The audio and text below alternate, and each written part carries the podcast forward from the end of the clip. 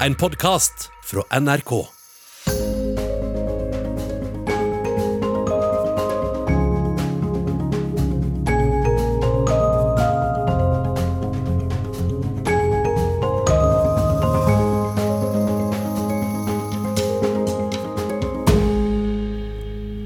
Så nådde vi bunnen. Sola har snudd, uten at vi som bor nord for polarsirkelen har fått det med oss. Vi ser den jo ikke på denne tida av året. Ennå er dagen så kort at den ene natta kan rope over til den andre, for å si det med Petter Dass. I overskya vær kan det kjennes knugende og mørkt. Trekk deg ifra, får du oppleve en stjernehimmel av Guds nåde. Du får kanskje øye på aurora borealis, nordlyset som danser lydløst over nattehimmelen, i rødt og gult og grønt. Da jeg vokste opp i lille Svolvær på 60-tallet, pleide vi å erte nordlyset med et hvitt tørkle. Det freste opp og kom etter oss med bråk og rabalder. Han pappa sa det var ikke noe å være redd for. Det var bare partikler fra sola som kom inn i jorda sitt magnetfelt, og dessuten laga det ikke lyd. Det var vitenskapelig bevist. Men vi visste bedre. Nordlyset laga lyd, og det var skummelt og farlig. Når jeg ser nordlyset nå, tenker jeg alltid på faren min som døde 9. mars 2018. Vi sto rundt han i sykesenga, hele familien, og sang han over til den andre sida. Vise og gamle skolesanger. For han pappa kom fra ei tid da man sang seg gjennom skoledagen. Blåmann, blåmann, bukken min, og eg veit meg et land. Jeg holdt faren min i handa og strøk han på panna da han døde. Det sies at den siste av sansene våre som blir borte når vi dør, er hørselssansen. Da vi kom ut etterpå, bølga det et stort og mektig nordlys over hele nattehimmelen. Jeg syntes tydelig jeg hørte musikk. Mitt navn er Ola Bremnes, og jeg bruker mye av tida mi på å skrive sanger. Hva kan man lytte seg frem til? Mitt Vinter i P2 vil dreie seg mye om det, hva vi kan ta inn gjennom ørene. Hvor går du når du går ut av denne tida til den andre sida ei strand? Når du kommer over, står det nå og venter. Ser du noen du kjente? Gir de deg ei hand? Jeg vokste opp i Svolvær, Lofotens hovedstad. Byen ligger på holmer og skjær, mellom hav og bratte fjell. Det ser ut som om Alpene kommer rett opp av havet. På 50- og 60-tallet var det lite biltrafikk. Vi ungene eide byen på en annen måte enn de som vokser opp i dag. Organisert fritidsaktivitet var ikke oppfunnet. Sommer og høst lekte vi cowboy og indianer mellom knausene. På vinteren hadde vi snøballkriger som aldri tok slutt. Eller vi terga nordlyset. Lyden av vinter. For meg er det lyden av brøytebilen som natt og dag holder veiene åpne i det sparsomme Lofotlyset. Eller det kan være lyden av naboen som måker betongtrappa med spade ukristelig tidlig på morgenen. Kan ingen ta og skyte den fyren snart, har han ikke noe annet å foreta seg i sekstida på morgenen. Lyden av vinter. Kan det være den lyden du tror du hører når du ser et stjerneskudd på nattehimmelen? En miniversjon av det store smellet som fant sted for nesten 14 milliarder år siden, og som gjør at vi kan sitte her og lytte til hverandre. Kanskje var det ikke noe smell da alt begynte. Lyden må ha luft for å leve, og så vidt jeg vet fantes det ingen atmosfære da. Lydene i verdensrommet er lydløse. Om jeg står på månen og spiller gitar for deg, så vil du ikke høre et pip. Der er ingen atmosfære, ingen luft, ingenting som lyden kan leve i. Da er det bedre med litt sne her nede på jorda. Den kan romme både lyd og stillhet. Der er intet i verden så stille som sne, sang vi på skolen. Vel, vi kjenner oss ikke helt igjen her i Lofoten. Ofte kommer sneen i følge med polare lavtrykk fra nordvest. Da kan det pipe skikkelig i ørene. Ytterdøra kan fly opp med et brak, er det selveste dommedag som vil inn. Men så roa det seg, og neste dag kan vi ta på oss de nye vottene vi fikk til jul, og gå ut i en nyfødt dag og la det knirke under føttene. Vinter er du her igjen og bit i ørene mine. Puster meg i nakken med ånde ut av is. Hadde nesten glemt den gamle grønne vinterfrakken.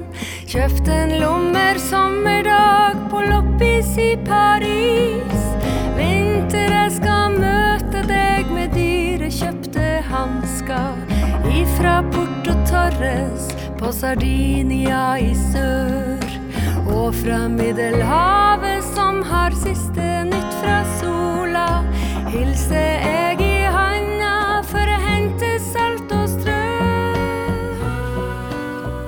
Foreldrene mine var lærere på ei stor skole. Søstera mi, hun Kari og jeg bodde på samme rom. Fra etasjesenga hørte vi på mamma som sang og spilte piano inne i stua. Grieg, Chopin, jazz, revyvise. Ei salig blanding. Før vi la oss, sang hun for oss. Helst ville vi høre sangene til Torbjørn Egner eller Alf Prøysen. Da fikk vi nemlig gjerne ei dramatisk historie på kjøpet. Det endte alltid bra til slutt. Sangen om Pelle sin bursdag, for eksempel, som Prøysen skrev. Familien hadde kjøpt ei stor pepperkake i presang til han Pelle. Men tenk, ei mus hadde lurt seg inn i pakken og spist opp hele pepperkaka. Katastrofe. Hva gjør Prøysen i siste verset? Jo, han lar musa bli selve presangen, og vips er problemet løst. Pelle er overlykkelig. Vi så det tydelig for oss. Vi var også med å forme bilder i hodet når Prøysen eller Egner kom i barnetimen i radio og sang og fortalte. Det var nok å høre, så så vi. Vi hadde lyst til å krype inn i radioapparatet. Vi satt med ørene på stilka. Jeg liker fortsatt sånne sanger som gir ei løsning, et håp. Selv om det kanskje ikke alltid er sånn i det virkelige livet, at alt blir bra til slutt. Kari og jeg lå i etasjesenga og sang i mørket. Improviserte andrestemmer og sånn. Jeg dikta fortellinger og fikk og Kari til å supplere når jeg trengte noen stygge ord for å sprite opp storyen. Hun farmor hadde sagt at Gud hørte alt, men jeg tenkte at det var ikke så farlig for meg, siden hun Kari tok risikoen. Gjennom veggen hørte vi også når de voksne hadde fest. Et brus fylte mørket der vi lå. Klirring i glass, tusen stemmer, latter og sang. Revyvise, Jakob Sande, Bellman, Evert Taube, Resvik og you name it. På platespilleren sang Erik Bye om en skuffet ung herre med bil. Louis Armstrong spilte trompet, og Ella Fitzgerald sketta sammen med mora mi. Dean Martin stakk sannelig innom og sang Volare til naboene dunka i veggen. Det var umulig å få sove, og det ville vi ikke heller. Broren vår, han Lars, kom til verden 4. desember 1964. Pappa sa at Kari og jeg var kladden. Han Lars var innføringa. Det hadde han helt rett i, for ingen laga så fine lyder som han Lars. Jeg var ni år, og The Beatles kom til verden og til Svolvær. John, Paul, George og Ringo var overalt og fikk blodet til å boble. Jeg så og hørte dem i gaten, i butikkene, på kaien, mellom fiskegjellene. Sneen smelta, og slapset i gata ble til sølv når The Beatles sang. Da lillebror ankom, klinka de til med tidenes feelgood-sang. Det var lyden av The Beatles som traff oss. lyden av noe nytt og annerledes. Baby's good to me, you know she's happy as can be, you know she said so. I'm in love with her and I feel fine. Ettersom 60-tallet fossa frem, fikk jeg lyst til å lære å spille et instrument. Musikken vi lytta til, var temmelig gitarbasert. Fra USA strømma ei visebølge over hele verden, og Bob Dylan var kaptein. Mora mi kunne litt gitarspill, hun starta upedagogisk med grepet F. Det var så vanskelig at jeg nesten ga opp. Fingrene blødde. Etter tre måneder klarte jeg det. Jeg kunne kompe søstera mi på enkle sanger som vi kunne opptre med på en viseklubb i Svolvær som het Lovisa. Vi sang om en tømmerhogger som rørte rundt i kaffekoppen med tommeltotten sin. Vi sang Evert Taube, Donovan, Dylan, Bresvik og Prøysen og Kari lærte seg gamle skillingsvise. En av dem handla om et kjærestepar som ble drept av en illsint far. Deretter for de rundt som gjenferd og sang ohoi på kirkegården. Her har vi det igjen, sanger med fortellinger i, fenga fantasien både hos oss og hos publikum. Vi hadde oppdaga fortellergleden. Historiefortelleren hjemme var først og fremst faren vår. Han hadde vokst opp på en gård og kunne fortelle om hvordan det var å vokse opp uten elektrisk lys. Mørkeredsel når han skulle ned i fjøset og mate dyrene. Tykjen lurte bak hvert et hjørne. I fjæra lurte draugen. Han pappa kunne fortelle om hvor tungt det var å slakte dyr de hadde blitt glad i.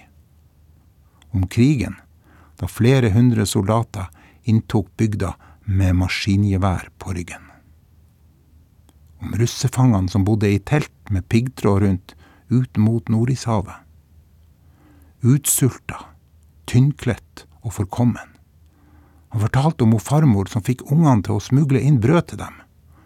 Om russefangen Ivan som ble skutt på stedet da han forsøkte å rømme. Han pappa hadde også vært til sjøs rett etter krigen. Han hadde sett hvordan Europa så ut etter enorme ødeleggelser og han hadde opplevd orkan ute i Nordsjøen og vært så redd at han holdt på å besvime.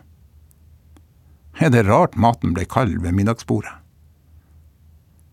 Men han pappa var også en god lytter. Hadde jeg skrevet en stil, ville han høre hva den handla om. Han brydde seg ikke noe om rettskriving og sånn, selv om han var rektor. Han brydde seg mest om det som ikke lar seg måle. Det var befriende. Hadde jeg sjøl noe å fortelle, lytta faren min oppmerksomt. Jeg ble inspirert og oppdaga gleden ved å fortelle sjøl, om så bare for et lite publikum. En gang ble jeg så oppslukt av min egen fortelling at jeg ikke oppdaga at hele familien min hadde gått og lagt seg, alle sammen. Jeg satt alene igjen i stua og fortalte. Klokka slo tolv, og katta lå i en stol og gjespa. Det kan være lurt å redigere historia di om du vil holde på lytterne.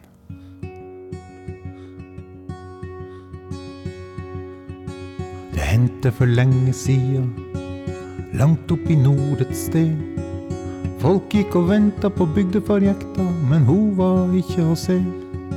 Hun skulle komme fra Bergen, lasta med alt som går an.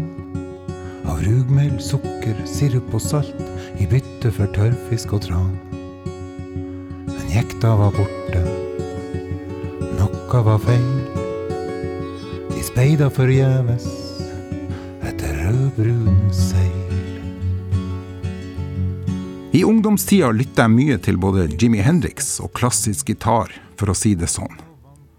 Jeg hadde også lyst til å spille fort og gærlig på gitar. Siden Jimmy Hendrix ikke bodde i Svolvær, så ble det klassisk i stedet. Jeg lærte meg å spille etter note helt på egen hånd. Kompliserte stykker som jeg plaga omgivelsene med både titt og ofte. På gymnaset i Svolvær hadde det kommet ei linje som het Estetisk linje. En kunstner som het Dag Røsand, hadde et grafisk verksted midt i byen sammen med kona si, Yvonne Gjerting, også billedkunstner. Disse to var lærerstabelen på den linja. Frikobla fra stress og prestasjonsjag. Det var frie forhold og vel så det. Ei skole helt etter mitt hjerte. Den linja redda livet mitt. Vi fikk bruke hender og skape noe sjøl, ikke bare sitte på skolebenken og ta imot røvtygg fra lærerne. Jeg overveide om jeg heller skulle bli billedkunstner. Store kunstnere kom innom han Dag på besøk. Kjell Nupen, Willebald Storn, Jan Groth med flere. Kjell Nupen sa at billedkunstner, jo, det kunne jeg godt bli. Willebald Storn rista derimot på hodet da han så hva jeg hadde tegna. En dag kom rektor inn mens lærer Dag sto i bare underbuksa foran hele klassen. Vi skulle tegne akt. Ingen av elevene torde å melde seg frivillig som modell, og dermed måtte læreren sjøl, han Dag Røsan, til pers. Rektor fikk sjokk og trakk seg lynfort tilbake. Vi holdt på å kveles av latter. På 70-tallet gikk en politisk vekkelse over landet. Den nådde også lille Svolvær. Det ble viktig å være radikal, folkelig og progressiv. Det var ikke nok bare å synge sanger om havet, døden og kjærligheten. Det skulle helst være om dyrtid, undertrykking, urettferdighet. Kampsanger. Unge folk gikk med Maos lille røde i jakkelomma. Det ble snakka om hvem som skulle elimineres når den væpna revolusjonen var i gang. Man arrangerte kurs i debatteknikk der kunne du lære hvordan du skulle vinne en politisk diskusjon, uten å lytte til hva motparten hadde å si. Det fine med denne tida var at det ble verdsatt å komme fra Utkant-Norge. Alle slapp til på en scene, uansett kvalitet. Du fikk synge på din egen dialekt uten at det ble ansett som komisk. Det ble tvert imot heia frem. Det kom diktere som viste at det gikk fint an å skrive stor poesi på nordnorsk dialekt, slik Alf Prøysen i si tid hadde gjort med hedmarksdialekten. Vi fant språket og stemmen vår. Men jeg ville bort, tok gitaren og reiste til Oslo. Jeg ville bli musiker på heltid og søkte opptaksprøve på Musikkhøgskolen. Foran lærere og professorer pakka jeg ut gitaren og holdt en liten intimkonsert inntil en av lærerne vifta meg av og sa kort Det holder. Dagen etter fikk jeg beskjed om at jeg ikke var i nærheten av å komme inn. Jeg var knust. Jeg søkte tilflukt i et fag på universitetet, men ga ikke opp gitarspillet. En gitarlærer i Drammen lytta til spillet mitt og sa at det låt helt ræva. Han sa det var ikke nok å spille fort og vanskelig, jeg måtte lytte til den tonen jeg produserte, og forsøke å få instrumentet til å synge. Først da blir det musikk. Det er bare å begynne forfra, Bremnes. Spille enkle toner så sakte du kan. Lykke til. Kanskje man trenger litt motstand for å komme videre. Jeg ga ikke opp, men jeg skjønte at jeg måtte skifte fokus. Jeg begynte nokså halvhjerta på lærerskole i Oslo, det som nå er blitt til Litteraturhuset. Jeg trøsta meg med visesang som det var mye av på 70-tallet. Ole Paus var min helt. Han sang som om han lytta til sin egen tekst. Han sang om den tonen som alltid har vært der, fra tidenes morgen. Fra først av Fra tiden før tiden vi regner med Var en tone der, og den vevet seg inn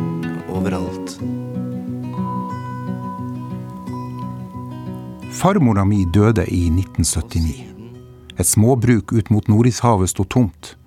Lyden av husdyr, høns, folk og fe var borte. Faren min skrev en tekst og ba meg sette melodi til. Min aller første melodi. Jeg var 24 år, hadde lært teksten og lytta meg frem til melodien. Jeg kan ikke forklare det på noen annen måte. Magisk var det. Sammen med søster Kari så gjorde vi et opptak som kom selveste Erik Bye og Otto Nilsen for øre. Plutselig var vi i NRK og fikk bamseklem av Erik Bye. Det var som å møte Gud, og Gud var en skikkelig grei kar. Vi kom på TV og sang at det skulle bo folk i husene. Deretter fikk vi brev fra plateselskapet til han Arne Bendiksen. Om vi kunne tenke oss å lage et helt album med nordnorske viser. Nå var det å hive seg rundt. Vi hadde jo bare én sang. Pappa skrev tekster som han ga til meg, melodier sprang frem. Det var som ei demning som brast. Mange av tekstene handla om livet i den bygda han vokste opp. Drømmer, lengsler, stemninger og natur. Det var ting vi også kjente igjen etter mange sommerferier hos farmor og farfar. De gikk stort sett ut på å hjelpe dem med slåttonna, herse høy og få det i hus før regnet kom. Alt foregikk for han, det var gammeldags og slitsomt. Bortover marken sto gubbene og slo med hver sin ljå, og når noen måtte kvesse ljåen med brynet, kunne du høre på lyden om det var han Marinius eller han Markus eller han Toralf som gjorde det. En aldeles herlig lyd som omtrent er helt borte fra bygdene i dag. Albumet Folk i husene ble arrangert av Bjørn Kruse, kom i 1980 og ble nominert til Spellemannspris, så du kan si vi fikk en fin start. Vi hadde også med mange sanger av andre nordnorske diktere, deriblant Arvid Hansen fra Senja, en mester både i innhold og form. Kari og jeg fikk oppdrag i nord og sør som viseduo.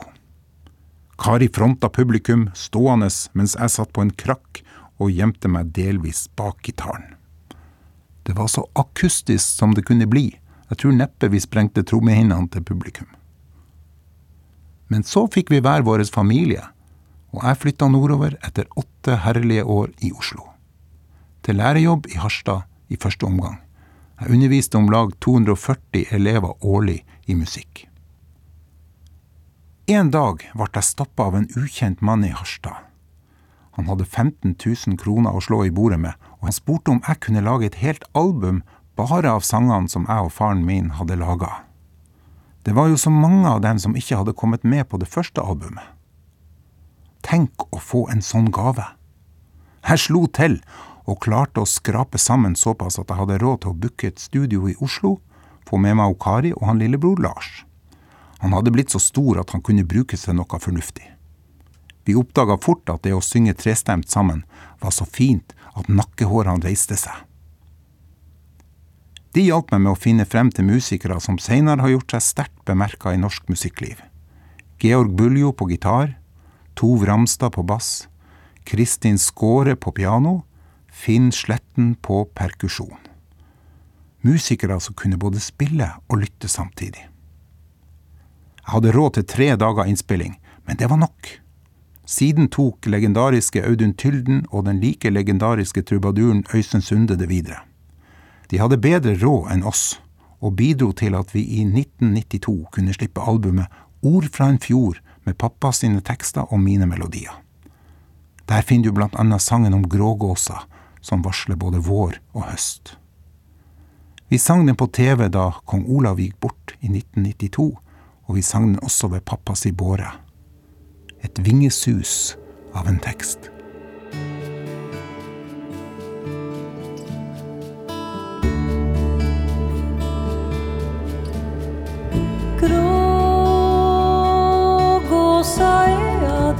De fuglene som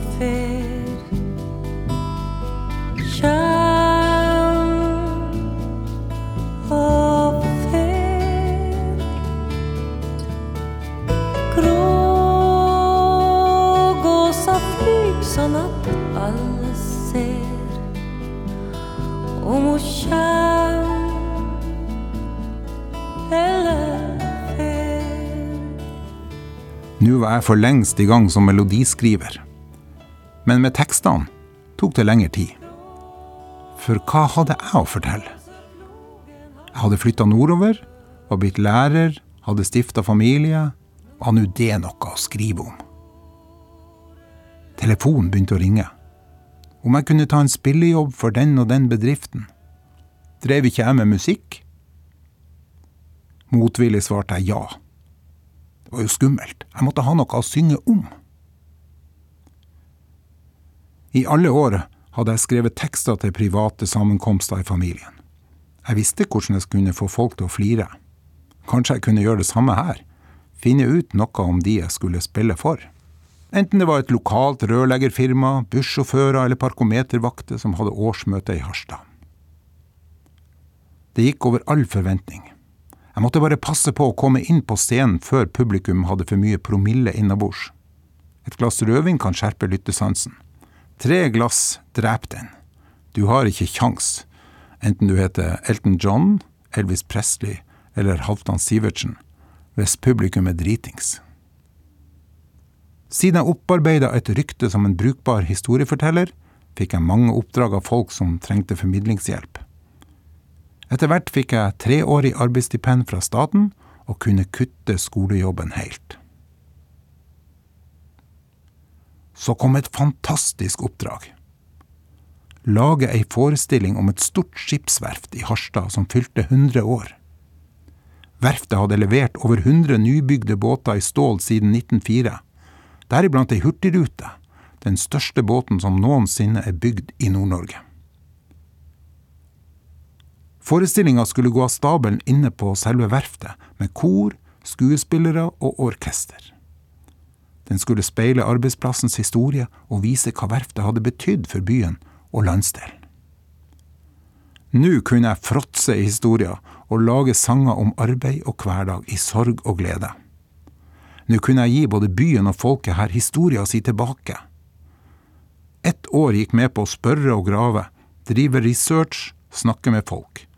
Jeg troppa grytidlig opp på verftet, hadde med båndopptaker og snakka med både unge og gamle skipsarbeidere. Noen hadde jobba der i nesten 50 år og stått ute i vind og regn og sol og frost mesteparten av tida. De var fullpakka av fortellinger. På fremføringa i den gigantiske Skroghallen kom det over 1000 tilskuere og fikk se hva det egentlig var de var en del av, hvor stort og betydningsfullt det var for hele byen, ja, hele kysten vår. Det tror jeg er det fineste jeg har vært med på som sangskriver. Da jeg var yngre, hadde jeg først og fremst lytta til musikken til låtene som jeg hørte på. Først seinere begynte jeg å bli oppmerksom på tekstene. Jeg oppdaga f.eks. at teksten på min aller første egenkjøpte singel, Hey Jude av Beatles, egentlig er ei trøstevise som han Paul McCartney skrev for Julian, sønnen til John Lennon. På det tidspunktet opplevde han et brudd i familien. Yoko Ono var kommet inn og trua hele Beatles-universet. Paul ville trøste både seg sjøl, fansen og ikke minst Julian ved å si hallo, dette skal vi fikse, det kunne vært verre. Take a sad song and make it better. At sanger kan trøste, er jo åpenbart. De kommer gjerne når du sjøl trenger trøst. Etter hvert lytta jeg meg frem til mine helt egne sanger.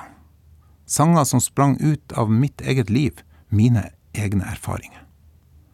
De kommer ut av det blå eller opp av grunnvannet. Jeg laga en for noen år siden som heter Har du fyr? Da hadde jeg hatt hjerneslag og lå på ei sykeseng i Canada. Var redd og aleine og trengte en sang. SMS begynte å tikke inn fra venner som små lysglimt, og Har du fyr komme ett ut av lufta, tekst og melodi. Det var bare å synge den inn på mobilen. Jeg trodde den bare var til meg, men skjønte etter hvert at det var flere som hadde bruk for akkurat den sangen.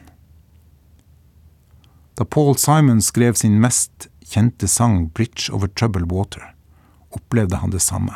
Han sa, Jeg har ingen idé hvor sangen kom fra. Den kom plutselig. Det er et av de mest sjokkerende øyeblikk i livet mitt. Jeg husker at jeg tenkte, dette er betraktelig bedre enn det jeg vanligvis pleier å skrive. Jeg kjenner igjen den følelsen. Den er magisk. Enda mer magisk er det når andre tar sangen din til et sted du ikke hadde drømt om. Hekla Stålstrenga gjorde det med min tekst Har du fyr? Og da Paul Simon ble spurt om hvilken artist som han personlig syntes hadde gjort sangen sin best, svarte han uten å nøle Aretha Franklin.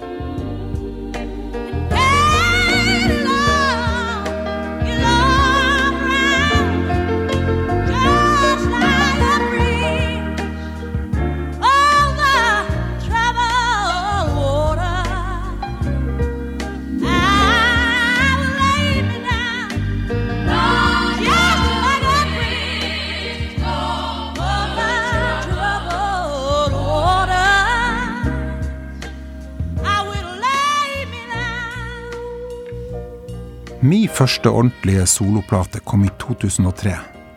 Da var jeg 48 år. Jeg var ikke klar før da. Plata het Livstegn. Den ble nominert til Spellemannsprisen, og en av sangene satte rekord på norsktoppen med 95 uker i strekk. Jeg skjønte under tvil at jeg heretter kunne kalle meg for sangskriver. Og hva sang jeg om? Kjærlighet, mørke og lys. Sola som kommer tilbake. Sne som dekker over åpne sår. Jordmødre og en gitar som hadde tilhørt en morder. Og en sang om en gud som går rundt med ei gul notisbok og skriver om det han ser. Får det ned på papiret. Du kan jo lure på hvem den guden var. Den største sangskriveren på planeten akkurat nå heter Bob Dylan. På sitt siste og hittil beste album, han er 79 år, der skriver han at vi sov med døden og livet i samme seng. Da søstera mi for omtrent 20 år siden plutselig fikk kreft, gikk eh, min verden nesten under. Vi to hadde vokst opp i lag, krangla og hatt det artig. Brevveksla, lytta til samme musikk, lest og diskutert bøker. Opptrådt sammen. Og Kari var umistelig. Hvis noen kødda med lillesøstera mi, risikerte de juling. Men mot sykdom og død går det ikke med knyttnever eller revolver. Du må heller gå inn for å holde håpet i handa. Det dukka opp et intenst behov for å få noe til å vokse, til å gro. Jeg kjøpte et lønnetre og planta det ute i havgapet på Bremnes, den lille bygda som betyr så mye for meg den dag i dag. Så skrev jeg en sang. Jeg har skrevet mange sanger. Skulle jeg rangere dem, setter jeg den du får høre nå, øverst. Den beste delen er kanskje der jeg holder kjeft og lar Terje Nord spille leppstilgitar helt alene. Det partiet har en ro i seg som er god å kjenne på den dag i dag. Med søstera mi gikk det heldigvis bra. Livet går videre.